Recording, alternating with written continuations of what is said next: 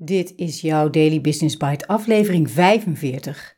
Employer branding is the new marketing imperative door Deepyanjan Chatterjee, Melissa Bongarzon en Alex Shanne op de site van MIT Sloan 21 juli 2022. En ik ben je host, Marja den Braber.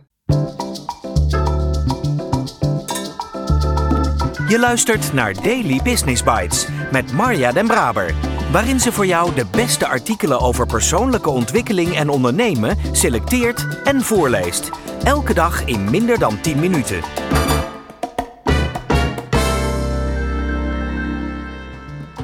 Dit is de podcast waarin ik jou, en eerlijk gezegd ook mijzelf, enkele van de beste artikelen en blogs op gebied van ondernemen en persoonlijke ontwikkeling voorlees. Elke dag. Op gebied van ondernemen en persoonlijke ontwikkeling worden oneindig veel artikelen geschreven. En wellicht ontvang je zelf ook wel elke dag artikelen in jouw inbox.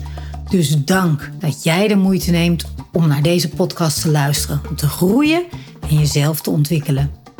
Laten we snel beginnen.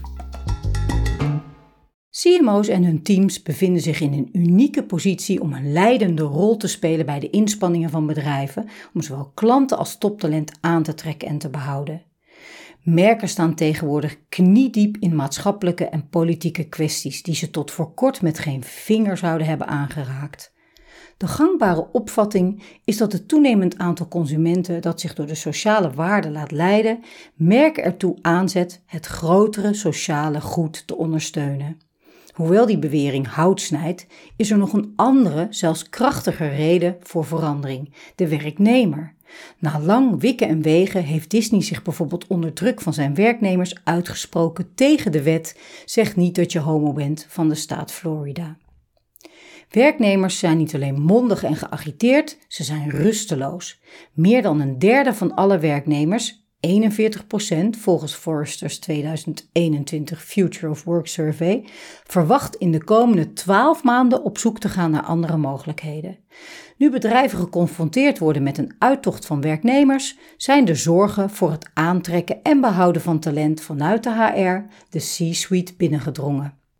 Het bouwen van een merk dat talent aantrekt en behoudt, employer branding, staat bovenaan de agenda van de C-suite en is de belangrijkste en meest kritieke prioriteit onder CMO's, volgens het Forrester CMO Pulse Survey 2022. Nu is het moment, vertelde de CMO van een commercieel vastgoedbedrijf met een omzet van 28 miljard dollar ons, waarop talent de nummer 1 prioriteit is onder onze leiders. Gezien de inherente expertise van marketeers in het bouwen van merken is er geen groep die beter geschikt is om een belangrijke bijdrage te leveren aan employer branding inspanningen. De evolutie van traditionele klantgerichte branding naar employer branding is een natuurlijke om drie belangrijke redenen. De juiste mentaliteit. Een goed opgeleide marketeer heeft een end-to-end lifecycle mentaliteit waarbij hij continu met de doelgroep in gesprek is. Verleid en converteer een prospect. Laat de, laat de relatie groeien gedurende de levenscyclus. Stimuleer advocacy. De basisprincipes zijn vergelijkbaar. Verwissel prospect voor kandidaat en klant voor werknemer en u hebt een traditionele merkstrategie omgevormd tot een employer branding benadering. De juiste vaardigheden. De dagelijkse activiteiten van een goede employer branding sluiten nauw aan bij wat marketeers doen. Marketeers richten zich op een doelgroep, begrijpen hun beweegredenen, zoeken de juiste mediakanalen en ervaring om hun aandacht te trekken en brengen vervolgens een overtuigende boodschap om hen binnen te halen.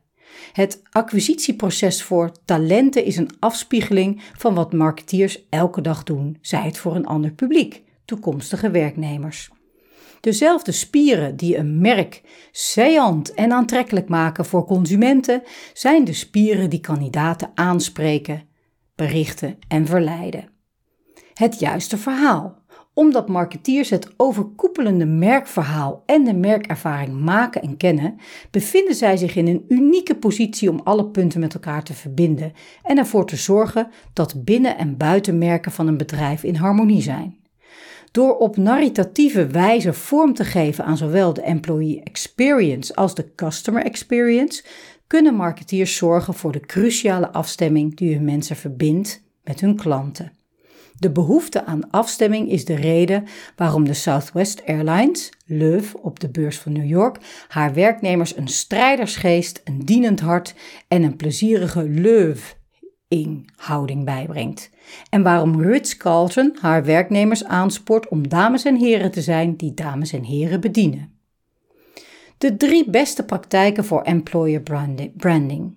Voor ons onderzoek hebben we gesproken met mensen uit de praktijk en met leiders van adviesbureaus die bedrijven begeleiden bij hun employer brand strategieën. We spraken met mensen die stabiele werkgeversmerken onderhouden en met mensen die vorm gaven aan beginnende werkgeversmerken.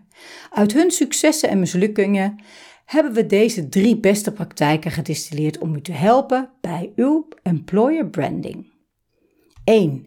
Vergroot het traditionele mandaat van marketing. Als marketing vorm wil geven aan employer branding, moet de discipline haar traditionele, uitsluitend op de klant gerichte oriëntatie overstijgen en een bredere rol in het bedrijf omarmen. Deze gedurfde marketeer moet het merk zien als de rode draad door het hele bedrijf, van de ervaringen van kandidaten, werknemers en klanten tot en met de merkperceptie. Bij het bepalen van de beste besteding van budgetten bijvoorbeeld, moet deze marketeer investeringen in talentacquisitie en behoud net zo zwaar laten wegen als zijn uitgaven aan traditionele reclamecampagnes.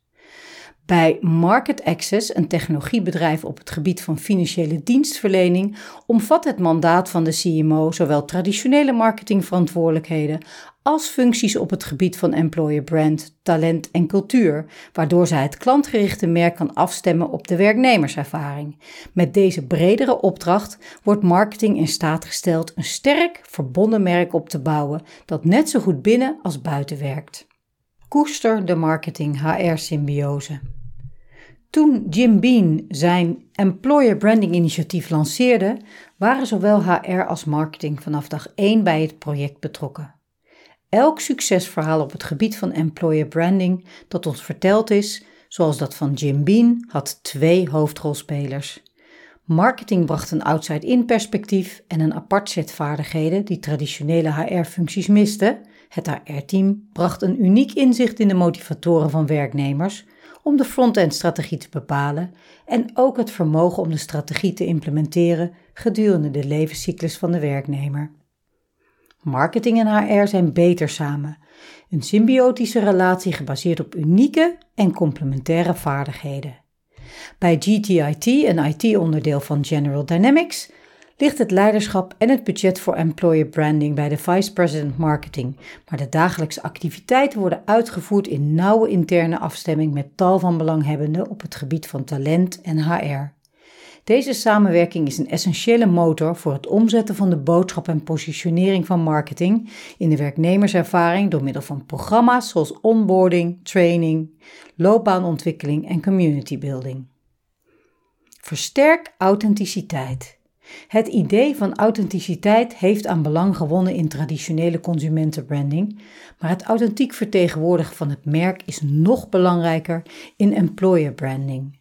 Gefabriceerde boodschappen klinken hol bij werknemers die op de eerste rij zitten om het rijlen en zeilen binnen een bedrijf te volgen. En ze zijn ook niet geloofwaardig bij sollicitanten. Om talent met succes aan te nemen en te behouden, is een voortdurend dialoog nodig door middel van programma's en campagnes die het merk op een eerlijke, transparante en relateerbare manier uitdragen, waardoor kandidaten worden aangetrokken en werknemers loyaal blijven. Toen Heineken een campagne lanceerde waarin werknemers openhartige en humoristische ervaringen op de werkvloer vertelden, werden werknemers verweven in het verhaal van het merk en werd een gevoel van betrokkenheid en saamhorigheid gecreëerd. Tegelijkertijd bood het bedrijf potentiële kandidaten een ongefilterde, relateerbare persoonlijke blik op hoe het zou kunnen voelen om bij Heineken te werken. Danske Bank uit Kopenhagen bereikte hetzelfde doel door elke maand verschillende medewerkers onbeperkt eigenaar te maken van haar carrière-account op Instagram. Werknemers voelden zich vertrouwd en betrokken en kandidaten kregen een onverbloemd kijkje in de werknemerservaring. Toen General Electric tijdens de Oscars van 2016 zijn nationale reclamecampagne Owen lanceerde, schreef het bedrijf geschiedenis als het eerste merk dat een campagne lanceerde die zich richtte op werknemers, niet op klanten en in dit geval softwareontwikkelaars die het bedrijf hoopte aan te werven. Vandaag de dag dringen employer branding overwegingen steeds dieper door in de bedrijfsstrategie. In 2022 splitste het 118 jaar oude Ford Motor Company zijn autoconcern op in twee groepen, waarvan er één zich uitsluitend richt op elektrische voertuigen. Een belangrijke drijfveer achter deze verandering was de urgentie om technische en softwaretalent aan te trekken dat anders massaal naar Tesla zou gaan. De focus op het werven en behouden van toptalent is verschoven van de HR-kantoorhokjes naar het kantoor op de hoek, aangezien employer branding bij de meeste organisaties een strategische topprioriteit is geworden. Naarmate de behoefte van bedrijven om een robuust merk op te bouwen dat zowel door klanten als werknemers werkt, bevinden marketingleiders zich in de ideale positie om hun traditionele vaardigheden op het gebied van merkopbouw toe te passen op het opkomende gebied van employer branding. Daily Business Bites met Marja Den Braber. Je luisterde naar een vertaling van Employer Branding is the New Marketing Imperative door Dimpirjan Chatterjee. Owen. Wie is Owen? Lang leven de zoekmachines waarin de CMO Linda Boff, die destijds verantwoordelijk was voor de Owen marketingcampagne van General Electric, direct gevonden is. Zij is nog steeds CMO trouwens. Owen is een afgestudeerde software developer die net een baan aangeboden gekregen heeft bij General Electric en aan tafel bij zijn ouders zijn nieuws vertelt.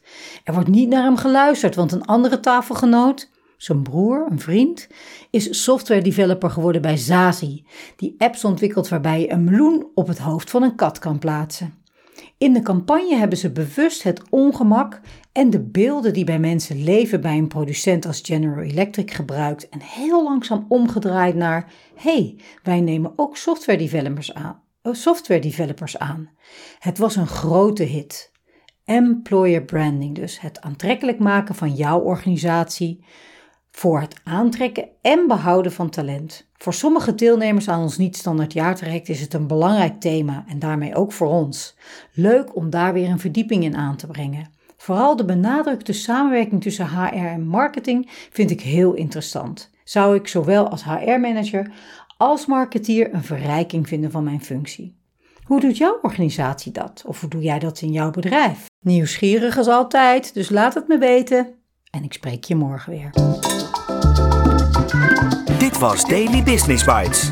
Wil je vaker voorgelezen worden? Abonneer je dan op de podcast in je favoriete podcast-app. Meer weten? Klik op de links in de show notes.